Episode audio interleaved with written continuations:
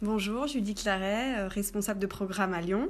Bonjour, Virginie Gilles, responsable gestion immobilière à Lyon.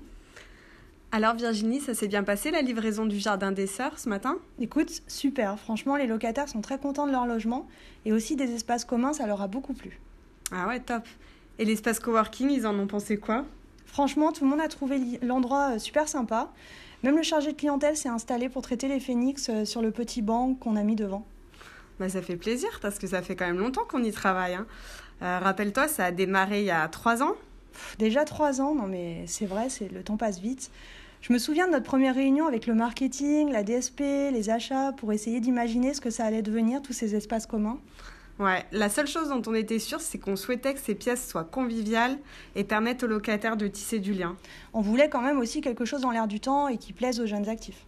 Du coup, l'architecture d'intérieur, c'est pas vraiment notre métier. Bah, c'est pour ça que tu es allé chercher un prestataire qui convienne et qu'on a bien accroché avec la société Baltis.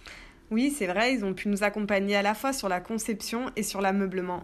Ils ont bien compris nos attentes et nos contraintes. On voulait créer des endroits propices aux échanges tout en gardant notre vision de gestionnaire, avec des espaces faciles à entretenir et des meubles fixés au sol. Et un budget et un planning maîtrisés. Comme quoi, travailler ensemble, c'est possible. Et ça marche